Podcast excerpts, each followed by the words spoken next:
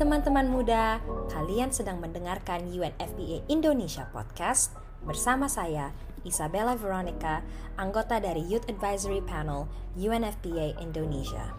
Di sesi ini, kita akan membahas tentang relationships dan gender-based violence atau kekerasan berbasis gender di era pandemi COVID-19.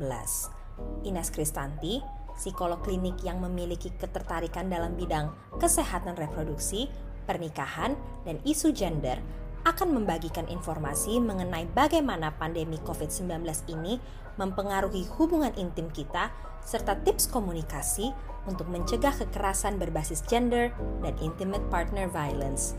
Selamat mendengarkan.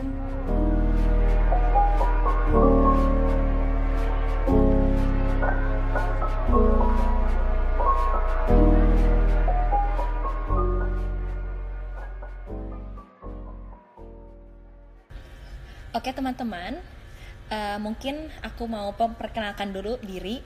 Uh, nama saya Isabella Veronica dari Youth Advisory Panel UNFPA Indonesia dan selamat datang di Youth Discuss Relationships and GBV atau kekerasan basis gender. Nah, kita tuh sedang berada di episode kelima dari series kita yaitu um, termasuk dengan kampanye yaitu Youth Against uh, COVID-19 atau orang muda lawan COVID-19. Jadi, mungkin sedikit latar belakang sebelum kita um, undang Mbak Ines Kristanti, yaitu adalah guest speaker kita yang sangat spesial.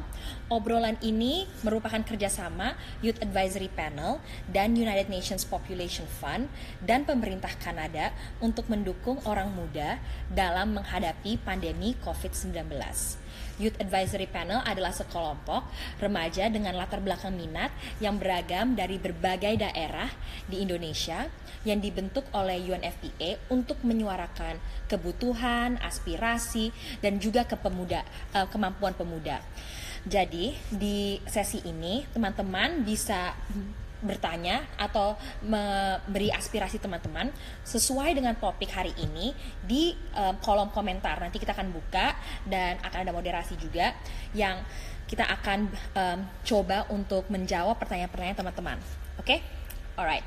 Nah, aku juga mau kasih peringatan juga buat teman-teman bahwa ini safe space. Jadi teman-teman um, juga menyuarakan aspirasi dan komen-komentar-komentar juga sesuai dengan guideline social media yang sesama, uh, sesuai dengan etikanya tersebut juga. Jadi kita sama-sama mempunyai uh, safe space untuk ber um, to have a very healthy discussion tentang relationship dan JBV di COVID-19. Oke, okay. aku juga mau ingetin bahwa kita youth um, sedang um, sedang ada um, campaign Prezi Youth Against COVID, yaitu ada kampanye yang diinisiasi oleh UNFPA berserta Prezi untuk menginformasikan beberapa hal yang berkaitan dengan COVID-19 seperti mental health, kesehatan reproduksi, dan gender, dan masih ada beberapa topik lainnya yang teman-teman bisa ikut, kirim video kalian, dan jangan lupa untuk tag at UNFPA Indonesia at UNFPA dan at UNFPA Youth ID. Dan jangan lupa untuk gunakan hashtagnya orang muda lawan COVID-19 supaya kita juga bisa uh, melihat partisipasi teman-teman semua. Oke? Okay? Alright. Um, just a little bit uh, background. Kalau ada teman-teman yang ingin berbagi pengalaman tentang tantangan kebutuhan, atau bahkan kegiatan positif yang teman-teman sudah lakukan di komunitas teman-teman, jangan um, segan untuk ikut bersama kita dengan mengisi um, ikut dari link tersebut link 3 slash orang muda lawan covid di mana kita juga bisa saling um, mendengar dan juga saling um, apa exchange information tentang how we can actually empower each and every one of us during um, covid-19 ini.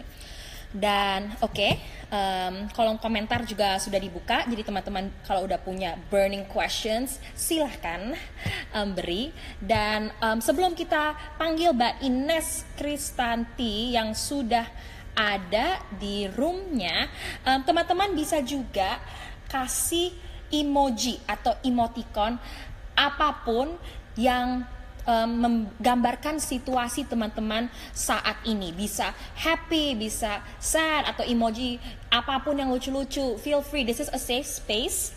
and um, teman-teman kita juga mau walaupun kita jauh tapi kita masih bisa apa merasa dekat ya gitu so that's the hope in every one of us oke okay, sekarang kita panggil aja Mbak Ines Kristanti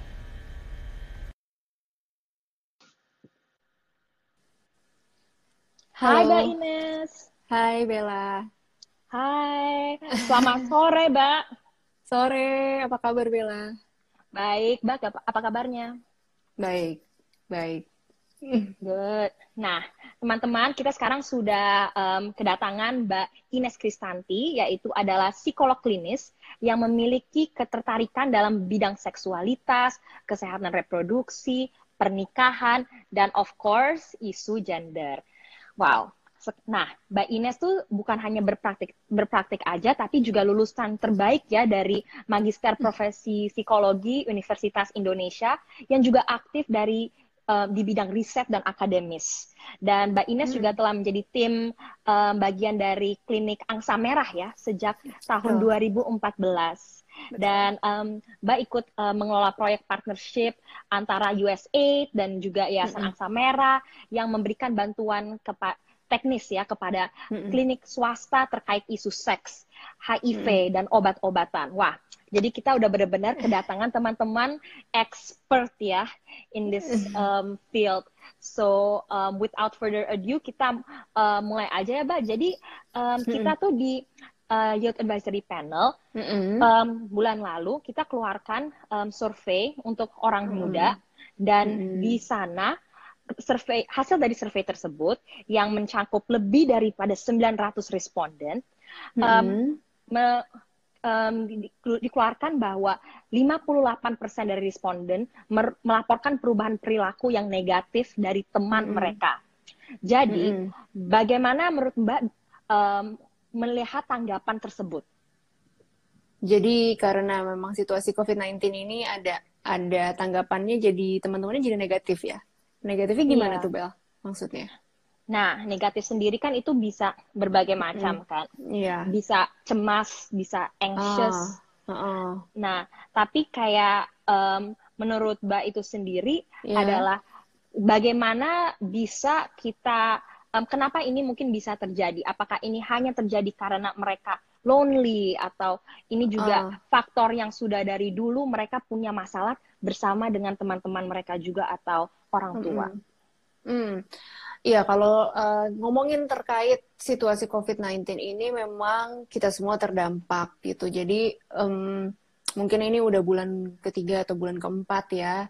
Mungkin sekarang sih udah lebih bisa beradaptasi. Aku juga awal-awal juga ngerasanya nggak awal-awal banget sih mungkin kayak satu bulan dua bulan in tuh rasanya aduh kayaknya apa ya penat gitu. Uh, biasanya bisa keluar-keluar, terus sekarang tuh di rumah aja, terus uh, juga muncul mungkin sama juga sama teman-teman di survei emosi-emosi negatif seperti cemas, ini tuh kapan selesainya, terus uh, nanti setelah ini pun um, dilonggarkan gitu ya, um, jaga jaraknya itu bagaimana kehidupan kita nanti dan segala macam banyak kekhawatiran juga. Jadi um, menurutku secara psikologis itu bisa dipahami kalau uh, kita merasakan emosi-emosi negatif. Kita bisa bilang itu sebagai respons yang normal di situasi yang uh, di luar biasanya. Jadi situasi pandemi ini kan memang tidak biasa ya. Kita sebelumnya hidup bukan di dalam situasi ini gitu. Jadi ketika memang ada emosi-emosi negatif itu expected dan um, setiap orang mungkin mengalami up to some degree. Nah, tinggal bagaimana kita mengelolanya gitu. Nah, Wah, itu pertanyaannya pas banget ya, Mbak. Dan mm -hmm. pasti teman-teman mm -hmm. juga kalau ngerasa seperti itu bisa taruh di kom um, link komentar um, apa yang ya. teman-teman yeah. rasakan gitu kan mm -hmm. ya. Kita saling mendengar juga saling melihat. Jadi, mm -hmm. um, tapi kita juga sekarang kan berbicara tentang relationship dan yeah. um, GBV gitu. Tadi Mbak mm -hmm. tanya um, tipe perasaan apa saja. Nah, tipe-tipe mm -hmm. yang konstitut sebagai GBV kayak the types of GBV dan kekerasan oh, berbasis okay. gender atau intimate partner violence itu bahasa hmm. Inggrisnya ya. Itu hmm. ada apa aja sih, Mbak? Kita ngomongin sekarang dalam konteksnya uh, eh, GBV ya. Uh, Oke, okay. kalau misalkan terkait GBV itu sama intimate partner violence, mungkin ada teman-teman yang belum terlalu paham bedanya tuh apa uh, gender based based violence sama intimate partner violence. Pada dasarnya uh, gender based violence itu adalah segala macam kekerasan yang berbasis gender atau uh, dilatar belakangi oleh um, pandangan kita terhadap uh, jenis kelamin tertentu dan itu bukan hanya kepada perempuan saja tetapi bisa juga terjadi pada laki-laki kalau memang kekerasannya itu memang didasarkan pada fakta bahwa dia merupakan laki-laki atau dia merupakan perempuan. Nah, si uh, intimate partner violence ini menjadi salah satu bagian yang mungkin terjadi di dalam gender based violence. Artinya, uh, kalau misalkan kita ngomongin gender based violence itu kita mungkin aja bisa mendapatkan kekerasan berbasis gender dari siapa aja, dari orang di jalan, mungkin kadang-kadang kita di di catcall, mungkin ada yang pernah ya. ngerasain gitu, lagi jalan terus habis itu di catcall sama orang yang nggak dikenal. Itu merupakan salah satu uh, pelecehan berbasis gender Nah, kalau misalkan intimate partner violence karena namanya itu intimate ya. Artinya terjadinya si kekerasan ini adalah di dalam hubungan yang intim, biasanya oleh partner atau mantan pasangan. Nah, di garis bawahi mantan pasangan juga termasuk karena eh, nggak uh, jarang juga gitu loh bahwa kasus-kasus yang uh, intimate partner violence yang terjadi itu dilakukannya oleh mantan partner Uh, apakah memang nanti ada revenge porn dan segala macam gitu. Mungkin ada yang pernah dengar misalkan kamu uh, pernah ber, pernah berpacaran sama dia terus putus abis itu diancam uh, mau disebarluaskan foto-foto intimnya yang pernah di-share mungkin itu menjadi salah satu bentuknya. Nah, kalau ditanya bentuk-bentuknya itu apa, itu macam-macam sekali. Ada yang bentuknya fisik. Fisik itu mungkin orang lebih lebih paham gitu bahwa ya namanya kekerasan fisik merupakan bentuk sebuah bentuk kekerasan. Nah, tetapi juga ada bentuk-bentuk lain seperti uh, kekerasan psikologis. Kekerasan psikologis itu um, lebih tidak lebih biasanya orang tuh lebih susah untuk mengidentifikasinya bahwa itu merupakan kekerasan. Bisa-bisa orang yang berada di dalam kekerasan itu sudah beberapa lama di dalam hubungan tersebut, bahkan ada yang lama banget nggak sadar kalau sebenarnya hubungannya itu uh, ada kekerasannya. Nah, kekerasannya itu dalam bentuk apa? Bisa dalam bentuk perilaku-perilaku controlling, perilaku-perilaku membatasi gerak. Ya contoh-contohnya kalau di kehidupan nyata tuh uh, pokoknya aku nggak suka kamu pacaran eh kamu temenan sama yang ini ini ini ini, ini gitu. Karena uh, aku curiga sama mereka. Atau pokoknya kamu nggak boleh lagi berelasi sama lawan jenis. Misalkan kayak begitu. Jadi hal-hal uh, seperti itu kan kadang-kadang mungkin uh, apa ya dianggap ada yang anggap oh romantis banget pasangan aku sayang banget sama aku. Katanya ada bahkan yang yang yang berpikiran bahwa cemburu tanda cinta gitu. Jadi kalau misalkan partner gue nggak cemburuan artinya dia nggak cinta gue. Justru semakin cemburu semakin cinta. Nah uh, hati-hati juga gitu. Uh, kecemburuan itu kalau misalkan nanti dia jadinya bentuknya perilaku-perilaku controlling atau kekerasan-kekerasan psikologis dalam bentuk yang lain itu juga menjadi salah satu bentuk um, kekerasan atau violence. Dan kemudian ada bentuk lain yaitu mungkin ini kita kadang-kadang bedakan karena cukup khusus yaitu kekerasan seksual Nah, kekerasan yeah. seksual itu mencakup juga uh, paksaan-paksaan yang diberikan oleh pasangan kalau misalkan uh, kita tidak mau melakukan hubungan seksual uh, atau manipulasi manipulasi taktik taktik psikologis yang dilakukan untuk akhirnya bisa mendapatkan aktivitas seksual dengan kita. Seperti itu. Wah, itu mantap banget ya, Mbak, uh, jawabannya mm -hmm. dan ekstensif banget. Teman-teman mm -hmm. sekarang bisa tahu the types of intimate partner violence atau mm-hmm. um, bedanya juga IPV dengan GBV dan yeah. juga um, sangat thin line ya sebetulnya kayak iya. kadang-kadang yeah. kita ngerasa bahwa oh itu nggak toxic itu sebetulnya dia masih sayang sama mm-hmm. aku atau apa mm-hmm. tapi sebetulnya um, itu udah masuk ke golongan intimate partner mm-hmm. violence jadi mm-hmm. di sini juga kita bukan hanya saling tahu gitu ya warning sign yeah. aja tapi kita juga mau lebih lagi tahu solusinya atau bagaimana okay. preventionnya gitu kan ya.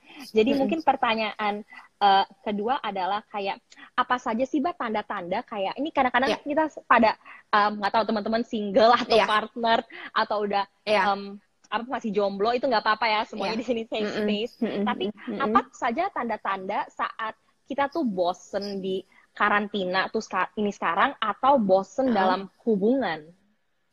Oke, ini ngomongin tentang bosan di dalam hubungan atau langsung mengarah ke kekerasannya? Lebih ke yang Langs mana nih, Bel? Kita mau Perasaan ya. Karena bahas psikologis uh, juga kita mau dengerin uh, banget kayak sisi psikologisnya gitu. Oke, okay, dari dari sisi kekerasannya ya berarti. Mm -mm. Oke. Okay. Uh, jadi gini, memang kalau misalkan dari yang yang aku baca-baca juga, kenapa sih pada akhirnya uh, domestic violence atau intimate partner violence itu tuh ada yang bilang meningkat di masa COVID-19 ini. Nah, itu bisa dipengaruhi oleh beberapa hal. Nah, hal-halnya apa aja? Yang pertama adalah isolasi. Kenapa dibilang bahwa isolasi itu mempengaruhi? Karena gini, uh, apalagi ketika kita bicara kekerasan bentuknya psikologis ya Nah, tadi kan kita udah bahas bahwa orang yang berada di dalam kekerasan yang bentuknya psikologis itu belum tentu sadar bahwa dia ada di dalam hubungan yang berkekerasan.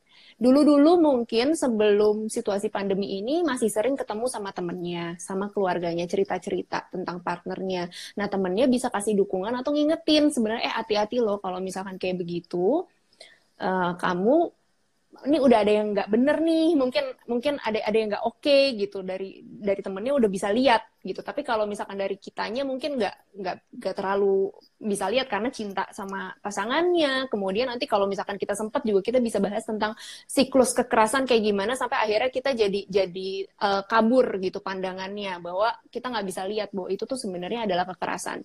Nah sebelum adanya isolasi itu kan kita bisa sharing sama orang lebih leluasa. Bukan berarti sekarang nggak nggak uh, bisa gitu. Tapi mungkin lebih terbatas. Uh, frekuensinya juga lebih sedikit. Nah kalau misal apalagi tinggal bareng sama partnernya. Nah tinggal bareng sama ya. partnernya itu kita udah terbiasa untuk saling rely dengan partner. Bisa aja terjadi seperti itu. Kalau misalkan uh, tinggalnya tuh bareng apalagi di karantina. Jadi um, ngerasa bahwa oh ya partner saya adalah tempat saya bergantung. Mungkin ada yang berpikir seperti itu. Dan 24/7 uh, almost gitu dihabiskan dengan partnernya. Sehingga apa yang dipikirkan partnernya betul itu bisa kita internalisasikan. Bahwa oh iya memang saya uh, apalagi kalau kekerasannya bentuknya psikologis ya. Dibilang hmm. saya bodoh dibilang kamu tuh kamu tuh salah terus kamu tuh selalu needy dan segala macam. Ya ya kita percaya percaya aja gitu karena uh, dia orang yang memang uh, paling banyak berinteraksi dengan kita.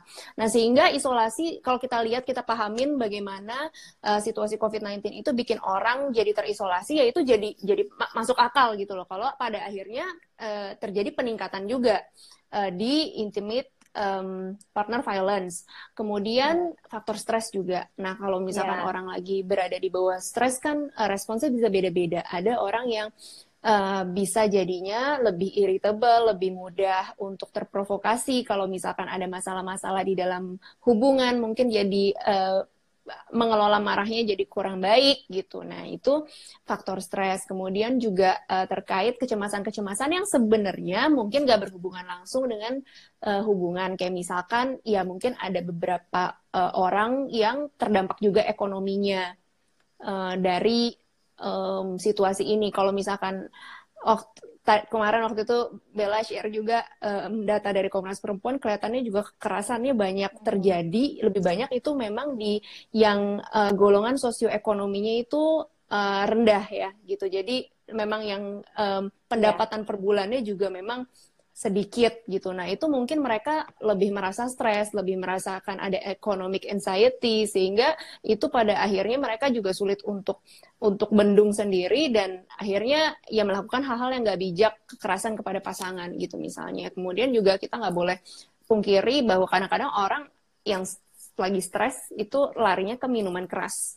Ada yang seperti itu yeah. gitu. Jadi uh, ketika memang um, dan dan aku nggak tahu kalau di Indonesia kalau misalkan di luar negeri itu pembelian minuman keras tuh meningkat gitu jadi uh, itu juga mungkin bisa hmm. menjadi salah satu faktor gitu ketika memang ada di bawah pengaruh uh, substance atau alkohol itu juga jadi kekerasannya lebih lebih meningkat seperti itu wow itu benar-benar hmm. um, um, luas sekali ya mbak um, hmm. scope-nya karena yeah. itu benar sekali bahwa kadang-kadang kita tuh tidak punya akses yang um, yeah. yang langsung secara langsung ke mm -hmm. teman kita, kita bisa langsung yeah. mobilitas dan juga fleksibilitas gitu karena untuk yeah. um, langsung dapat uh, the access to the help that mm -hmm. we need gitu kan ya, yeah. including psychological help juga ya, Mbak. Betul. The, uh, Mbak sebagai uh, psychology. Nah teman-teman nih pasti juga kalian mungkin udah punya burning question buat Mbak Ines, silahkan taruh di kol kolom komentar nanti kita akan uh, coba untuk mm -hmm. jawab dan um, tapi tadi Mbak benar-benar um, set a very important note tentang ya kadang-kadang you know itu juga udah rooted in maskulinitas atau juga feminitas di mana ada kita kan ini berbicara tentang gender jadi yeah. juga pasti kita juga harus berbicara tentang norma-norma gender yang mm -hmm. ada di hubungan kadang-kadang mm -hmm. perempuan jadinya harus lebih men, mm -hmm. mendapat harus lebih you know um, have more domesticated role gitu kan ya yeah. mm-hmm. karena di COVID-19 di karantin ini mereka uh-uh. jadinya harus take in double the role as a I don't know if they're working atau they're a, uh-uh. a housewife gitu kan ya yeah. dan mm-hmm. juga uh, laki-laki juga akhirnya harus juga mengerti gitu kan ya pasangan yeah. juga harus menge- pasang saling mengerti role-nya yang sudah biasanya dibilang hanya buat perempuan hanya buat laki-laki mm -hmm. gitu kan ya. Mm -hmm. Jadi pertanyaan adalah apakah uh, apakah um, role gender norms dalam toxic relationship? Bagaimana mm. gender norms itu actually form relationship yang kita bisa berbicara okay. sekarang toxic? Oke okay, oke. Okay. Oke gini, jadi mungkin um, kita sedikit mundur ke belakang sebelum ngomongin itu. Tadi Bella juga sempat ngomong tentang um, ciri-cirinya apa sih? Ciri-cirinya apa kalau misalkan berada di dalam hubungan yang berkekerasan? Nah sebenarnya ciri utamanya tuh ada dua hubungan berkekerasan itu. Uh, yang kasat mata mungkin banyak gitu ya yang perilaku bentuk-bentuk perilakunya tuh banyak gitu macem-macem ada yang ngecekin handphone karena uh, sangat controlling misalnya kemudian ada yang posesif setengah mati gitu nah tetapi sebenarnya ciri utamanya tuh dua yaitu power dan control Nah, hmm. jadi power artinya apa? Di dalam hubungan yang berkekerasan itu, powernya udah nggak seimbang.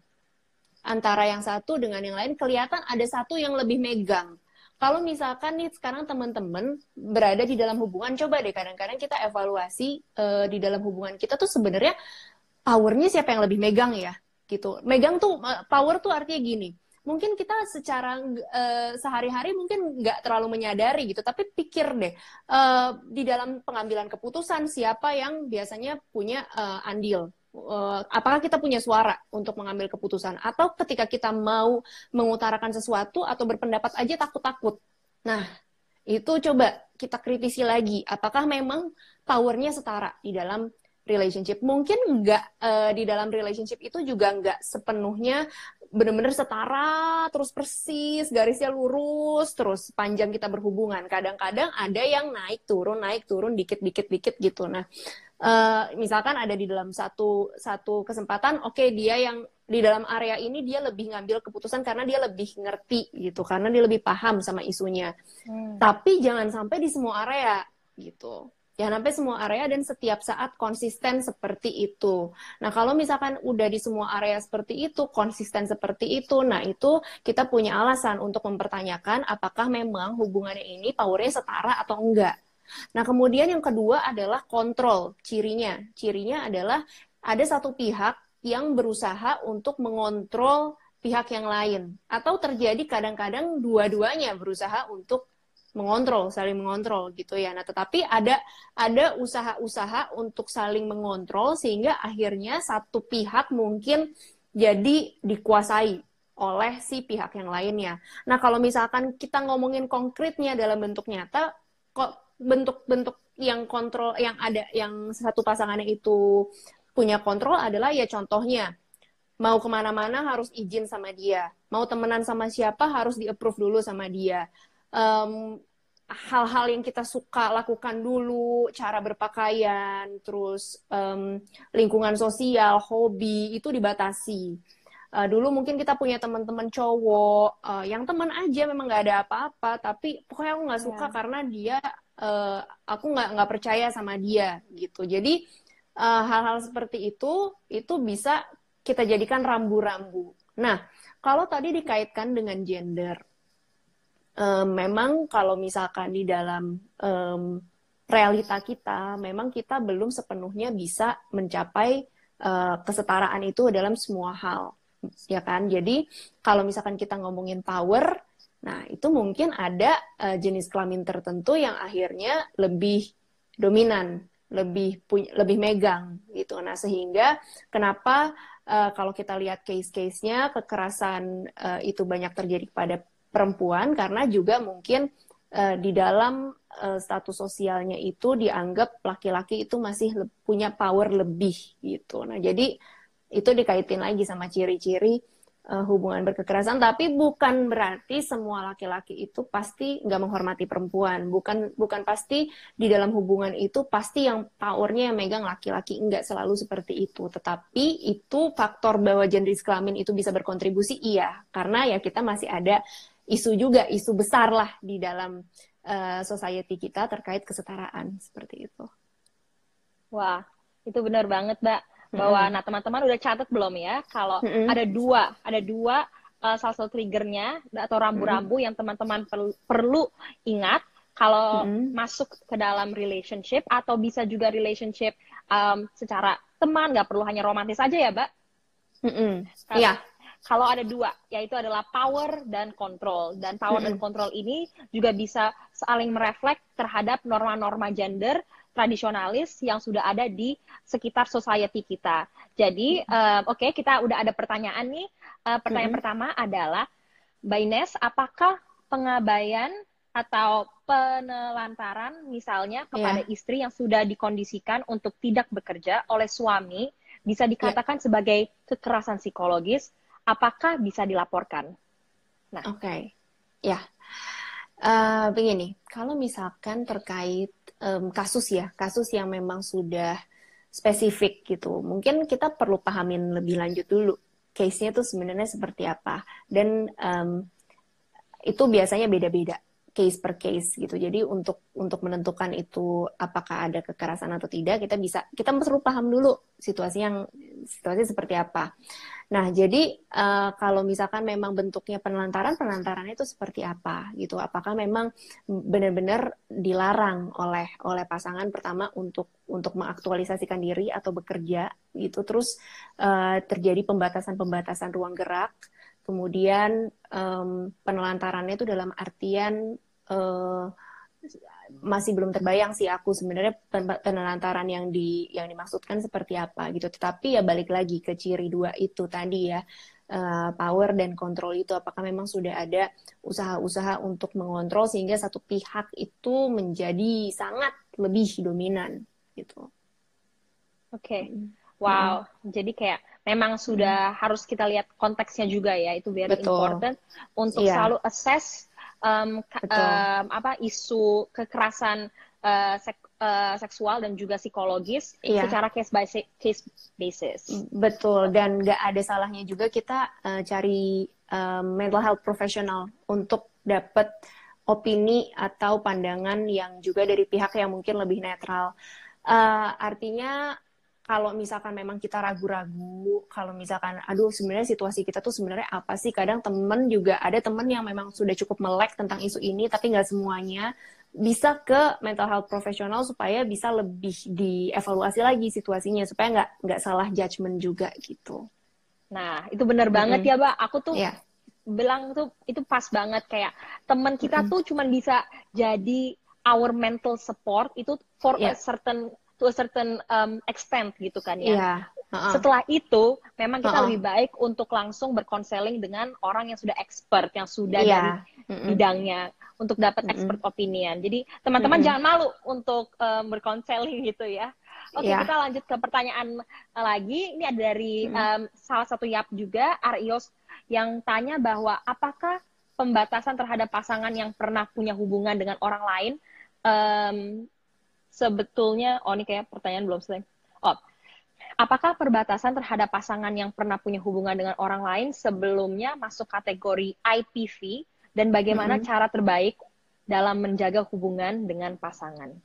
Kayak ini berarti punya hubungan dengan orang sebelumnya tuh artinya mantan atau uh, pernah ada affair sebenarnya si pasangannya Nah mungkin mungkin karena nggak bisa karena ini pertanyaannya udah selesai kan ya. Jadi aku coba jawab untuk dua konteks itu ya. Uh, kalau misalkan konteks yang pertama terkait mantan misalnya uh, ngerti gitu bahwa um, relasi dengan mantan itu kadang kadang-kadang bikin bikin pasangan yang baru was-was atau uh, cukup cemas gitu. Uh, cukup bisa dipahamin.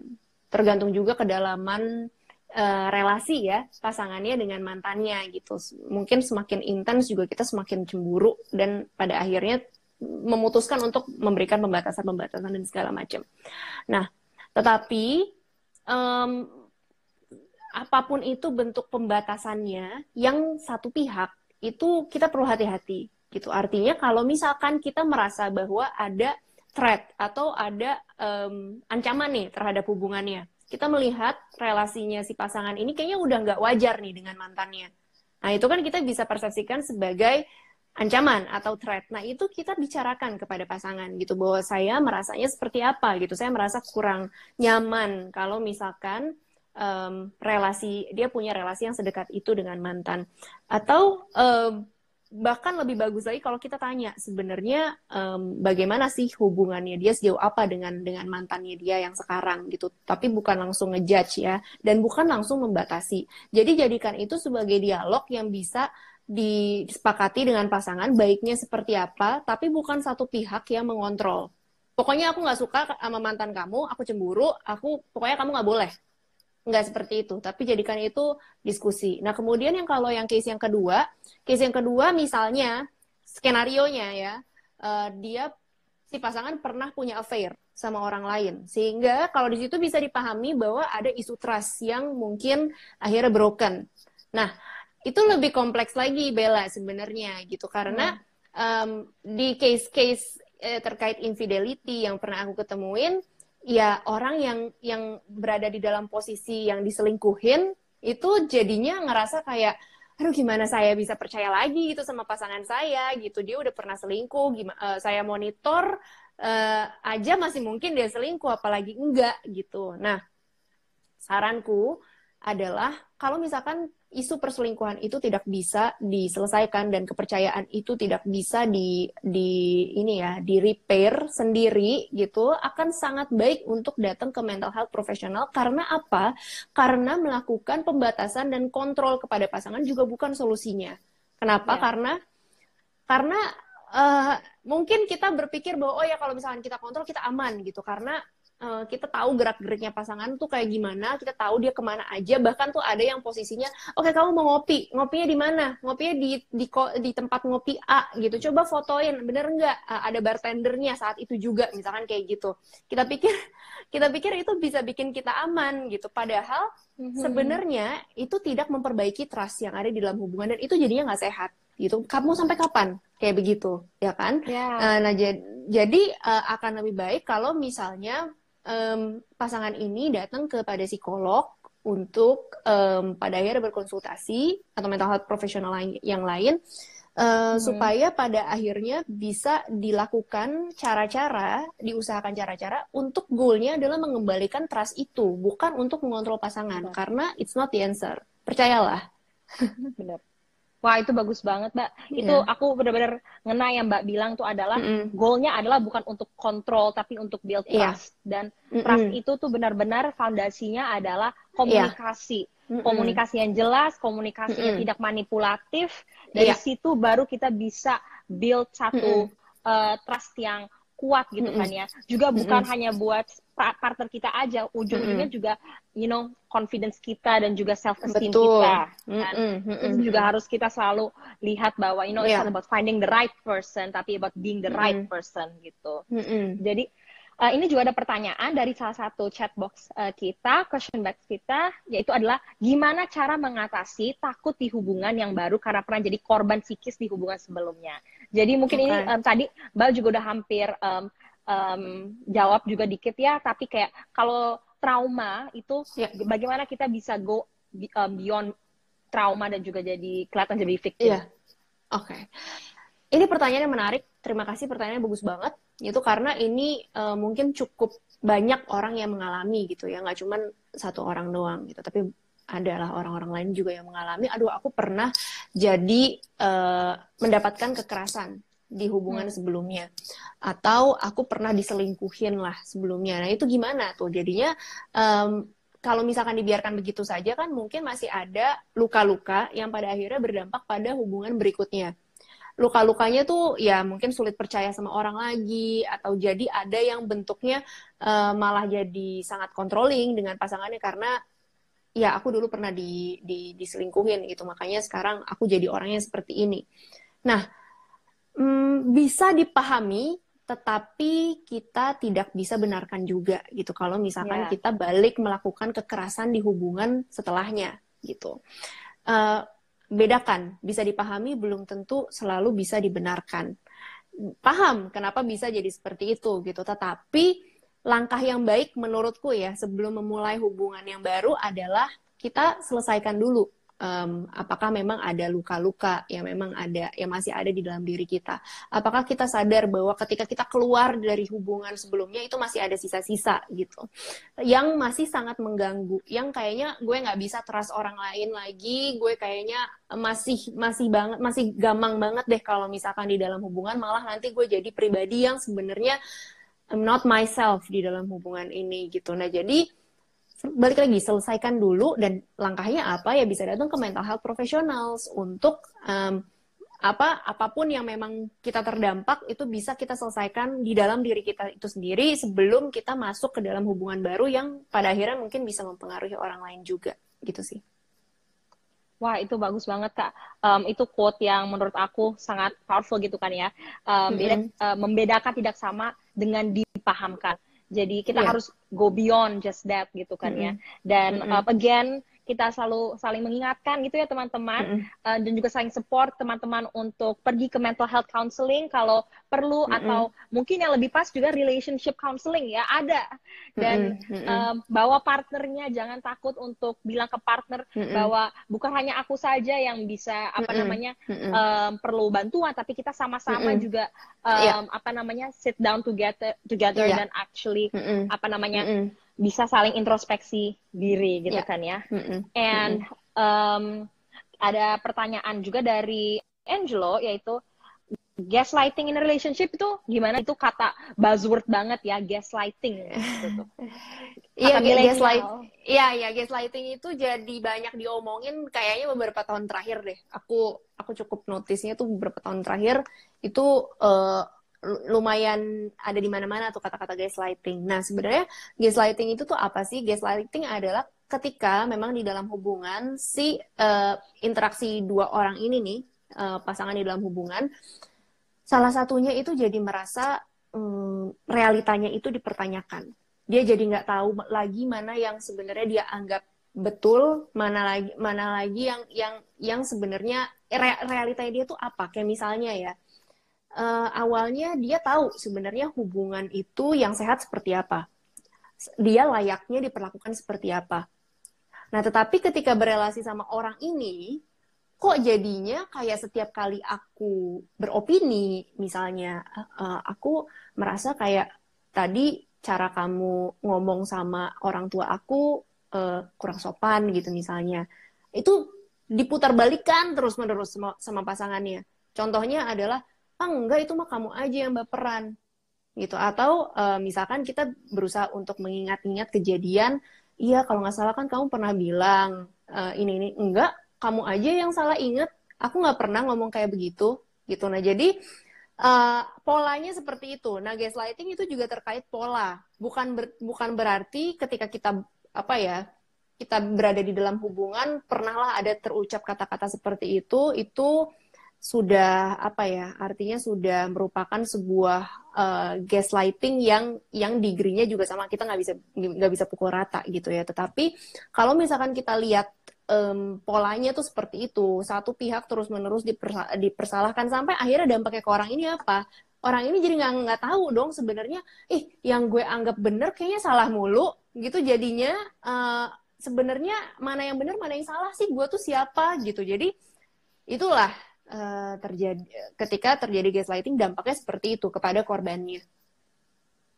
Oke, okay, gitu. wow, It, mm -mm. wow. itu itu apa namanya cukup mm -hmm. konkret banget ya, Mbak, jawabannya mm -hmm. uh, tentang um, gaslighting dan yeah. ya ya semoga udah menjawab. Uh, kita yeah. juga ada ini 20 menit terakhir kita ada pertanyaan uh, pertanyaan-pertanyaan terakhir. Orang mm -hmm. yang pernah jadi pelaku kekerasan psikis, apakah punya kecenderungan ngulang lagi di hubungan yang baru? Nah, sekarang kita mm -hmm. lihat ke sisi orang yang pelaku, mm -hmm. gitu kan, ya. dari perspektif pelaku, apakah mereka punya tendensi untuk mengulang lagi? Oke, okay. hmm, kalau terkait pengulangan ya, memang kalau misalkan kita berinteraksi sama orang, kita lihat polanya seperti apa. Mungkin sadar nggak sadar kita lihat gitu. Hmm, dan aku sih nggak mau bilang ya bahwa oh kalau misalkan sudah jadi pelaku kekerasan pasti selamanya dia akan menjadi pelaku kekerasan kasihan. Nanti orang yang mau berubah jadi jadi di, jadi nggak bisa dipercaya gitu. Padahal sebenarnya dia sudah work on um, themselves untuk pada akhirnya dia bisa uh, overcome isu-isunya yang pada akhirnya membuat dia mungkin melakukan perilaku-perilaku kekerasan seperti itu dan sudah berusaha mencoba pola terus kita kita label bahwa udah nggak mungkin berubah gitu. Kasihan juga orangnya. Karena kan kita setiap orang kita namanya manusia kita mau menjadi orang yang lebih baik gitu. Nah tapi itu perlu uh, itu bisa menjadi salah satu note catatan bagi kita gitu bahwa uh, oke okay, memang pernah terjadi uh, kekerasan psikis sebelumnya. Bukan berarti akhirnya kita uh, jadi apa ya sepenuhnya nggak percaya sama orang ini tapi kita lihat apa yang dia lakukan untuk mengatasi polanya itu gitu. Atau mengatasi um, kekerasan yang pernah dia lakukan. Seperti itu. Ada usaha-usaha apa yang dia lakukan untuk menjadi orang yang lebih baik? Itu yang kita lihat sebenarnya. Gitu sih. Wow jadi um, key pointnya di sini adalah mm. um, bagaimana kita bisa um, lihat juga orang itu sudah kasih progress kayak it's always mm -hmm. actionsnya ya kadang-kadang actions yeah, speak louder than words betul gitu. ya yeah. mm -hmm. jadi um, ya mudah-mudahan kayak mereka punya um, take concrete steps juga untuk bisa mm -hmm. um, better themselves juga mm -hmm. kalau mm -hmm. punya support circle atau support group jadi kita harus kasih itu juga ya kasih give them a chance juga gitu ya mm -hmm. mm -hmm. oke okay. uh, Nah, sekarang itu kita tadi kan udah berbicara banyak banget ya, Mbak. Ada yeah. yang iya. tentang um, apa namanya gaslighting, ada yang tentang communications, juga victim blaming. Jadi kayak sekarang um, mungkin ada pertanyaan lagi dari Daru yaitu adalah kadang bingung mau bantu teman keluar dari toxic relationship, tapi dia mengatakan bahwa iya ini pilihannya. Di satu sisi nggak tega, okay. juga dia mengalami mengalami kekerasan, terus tapi di satu sisi harus menghargai pilihannya. Jadi sekarang kita lihat dari sisi kalau saya atau bagi menjadi teman, teman yang hmm. witness toxic relationship hmm. itu gimana um, bisa menjadi a good friend gitulah. Oke, okay. gini, memang ngerti gitu bahwa sebagai teman kita concern dengan kondisi teman kita dan kita maulah yang terbaik untuk teman kita karena kita peduli. Um, bagus itu adalah um, perilaku teman yang baik gitu. Nah, tetapi kita juga perlu ingat bahwa yang punya tanggung jawab dan kendali untuk hidupnya dia adalah dia sendiri itu bukan kita. Um, kita bisa bantu itu kita bisa bantu kita bisa bantu uh, sadarkan dan kita bisa lakukan apa pun. Misalkan kita lihat dia butuh kayaknya bagus dia dia ke mental health professional kita coba bantu aksesnya dan segala macam gitu. Tetapi bukan kita yang uh, berubah orangnya gitu. Nah kita bisa peran teman ya mendukung peran teman itu nemenin gitu. Nah tetapi bukan mengambil tanggung jawab dari keputusan uh, temennya itu untuk diri kita sendiri. Jadi kita jadi yang apa ya berdampak juga mungkin ke kondisi psikologis kita kemudian jadi nggak terlalu ngerasa um, sehat juga psikologis yang sampai seperti itu juga gitu. Nah kalau misalkan memang sudah sampai seperti itu ya berarti mungkin kita tahu nih mungkin saya terlalu involved dengan masalah ini dan saya bisa cari cara untuk tetap bantu teman saya ini tanpa harus mengkom mengkompromis mental health saya juga. Misalnya itu dengan mencarikan bantuan ke mental health profesional sehingga memang uh, teman-temannya itu berada di dalam penanganan orang yang tepat karena sebaik-baiknya teman nggak semua mungkin belajar terkait bagaimana caranya uh, secara profesional membantu dan segala macam bahkan kalau misalkan belajar kalau teman sendiri kita bisa jadi bias dan bisa kebawa emosi gitu. Makanya uh, ada gitu mental mental health mental health profesional memang kita bisa rujuk teman kita ke sana gitu dan coba carikan aksesnya dan segala macam gitu. Sifatnya tetap membantu tapi tetap dia yang temannya sendiri yang melakukan progres untuk dirinya bukan kita gitu sih. Wow itu benar banget ya mbak. Jadi kalau kayak kita tidak mm -hmm. kita tidak diharuskan untuk bear mm -hmm. the burden of being more than just a supportive friend karena yeah. di sana ada orang yang sudah bisa juga bisa membantu secara yeah. psikologis dengan secara um, expert level gitu kan ya. Yeah. Yang tadi kita uh -huh. bilang adalah your friends can only go so much to so much iya. extent yeah. to become mm -hmm. your psychologist gitu kan ya karena sudah ada gitu juga. Mm -hmm. Nah, uh, mungkin kita udah masuk ke penutup dan uh, mungkin kalau teman-teman ada um, aspirasi lain nanti jangan takut kita bakal um, collect all the questions that teman-teman tulis ini dan kita akan juga um, rangkum situational report yang akan dipakai sebagai bahan advokasi dan juga bahan kampanye anak-anak muda dan um, mungkin kita um, ada aku simpulin dikit juga apa ya tadi kita sudah berbincang buat almost uh, an hour ya bahwa mm -hmm. IPV itu ada dua um, salah satu triggernya itu adalah power versus control dan kita harus bisa membedakan ya. juga tanda-tandanya mm-hmm. antara power dynamic dan juga controlling behavior itu sangat penting yeah. kan ya mm-hmm. juga tadi um, aku um, tangkap bahwa communication is also key in building trust gitu karena kadang-kadang mm-hmm. kita suka punya trauma atas previous yeah. relationship dan kadang-kadang mau build trust itu bagaimana lagi yaitu adalah kita harus mm -hmm. bisa communicate uh, our feelings mm -hmm. gitu and to mm -hmm. also have a better understanding gitu kalau orang lain tuh punya perasaan berbeda-beda gitu bahwa um, beda tidak sama dengan dipahamkan dan kita tidak mm -hmm. bisa selalu as, um, punya asumsi ya bahwa mm -hmm. semua orang itu um, gampang untuk dipahamkan dan mm -hmm. nomor tiga yang tadi mbak selalu um, advokasi itu adalah you have to have better health access to mental health services dan selalu hmm. um, untuk rujuk kepada profesional kalau perlu bantuan karena mereka seperti Mbak sendiri punya you know, bukan hanya latar belakangnya aja tapi juga punya resourcesnya ya yeah. untuk membantu karena kita semua kan nggak ada latar belakang psikologis saya bukan di latar belakang psikologis kan jadi untuk menjadi teman yang baik juga adalah untuk mm -hmm. menjadi teman yang mengerti bagaimana untuk support teman-teman um, yang ada dalam um, hubungan yang toksik. Hmm. Jadi um, itu aja sih. Tapi um, Mbak ada kata penutup mungkin yang Mbak mau hmm. share kepada teman-teman um, di audiens UNFP Indonesia? Hmm. Oke, okay, um, apa ya? Um, mungkin tadi juga udah dirangkum uh, sama Bella. Mungkin aku tambahin sedikit. Jadi uh, memang kekerasan di dalam intimate relationship itu bentuknya macam-macam dan kadang-kadang kita nggak sadar kita berada di dalam hubungan yang berkekerasan. Nah jadi uh, akan baik gitu sebenarnya kalau misalkan kita juga cari perspektif lain untuk hmm. kondisi yang mungkin kita udah ngerasa nggak nyaman, kita udah ngerasa kayaknya kita bukan bukan diri kita yang dulu lagi. Karena kalau misalkan bentuknya uh, kekerasan psikis atau psikologis itu ja, mungkin orang nggak gitu bisa ngeliat gitu ya. Udah masuk ke dalamnya baru oh udah lama gitu baru oh iya mungkin saya berada di dalam hubungan yang berkekerasan. Nah itu makanya cari perspektif lain itu sangat penting. Uh, dan kalau misalkan memang yang sudah um, berhasil keluar dari hubungan yang berkekerasan misalkan ada hal-hal yang memang masih mengganjal hal-hal yang masih membekas yang kita sulit untuk recover sendiri itu bisa datang ke mental health professionals hmm. Mantap banget, Mbak.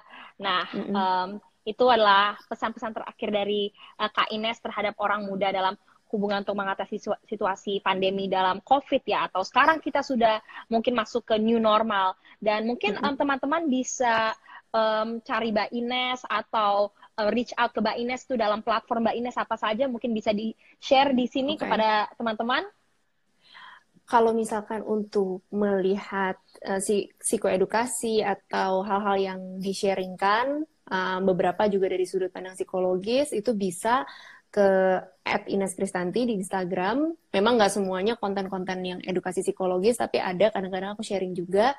Kemudian, um, apalagi ya, oh kalau misalkan memang mau konsultasi langsung, itu bisa ke klinik Angsa Merah, at Angsa Merah Klinik, itu bisa bikin janji untuk pertemuan one on one saat ini masih bentuknya online. Ya. Mantap, Mbak.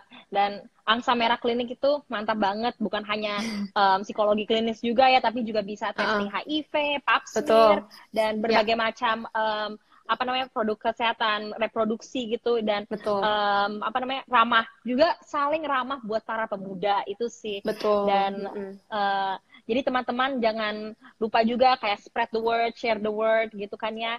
Um, mm -hmm. untuk uh, kalau mau reach out ke Mbak Ines. Kita sendiri di UNFPA Youth ID bulan Agustus akan ada International Youth Day atau Hari Kepemudaan Internasional. Dan tahun ini temanya adalah Youth Engagement for Global Action.